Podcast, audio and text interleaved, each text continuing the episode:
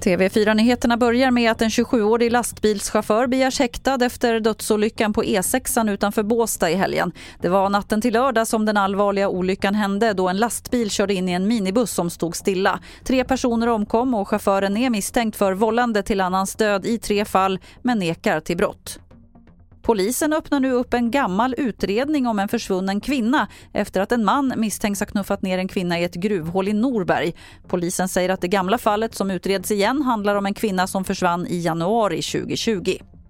Nu kommenterar KDs partiledare Ebba Busch att hon blev portad från Elgalan i fredags. Anledningen till att hon blev det ska ha varit ett tidigare uttalande som hon gjorde om påskupploppen i Sverige. Så här säger Ebba Busch om att hon blev portad det är ju klart att det aldrig är roligt när människor agerar på det här sättet. Men för mig är det viktiga att just kunna vara med och hylla svensk modeindustri och framförallt ge jag ett löfte eh, om att, att lyfta en så viktig sak som, som kriget i Ukraina. Att vi står på det ukrainska folkets sida och använda mode eh, som ett sätt att göra det och lyfta hbtq-personers rättigheter. Då har inte jag tänkt att backa ifrån det löftet utan då vill jag hitta ett sätt att fullfölja på det och övriga frågor får, får ni ställa till Fler nyheter finns på tv4.se. Jag heter Lotta Wall.